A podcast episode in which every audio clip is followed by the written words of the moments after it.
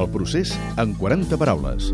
Les grans paraules ens buiden i ens cansa la ignorància, els coneixements fan un magma espès. Desafiament. Desafiament és la versió antiindependentista de la paraula procés. Procés funciona sola, no li cal adjectiu, però com que desafiament és tan genèric, sí que necessita un complement.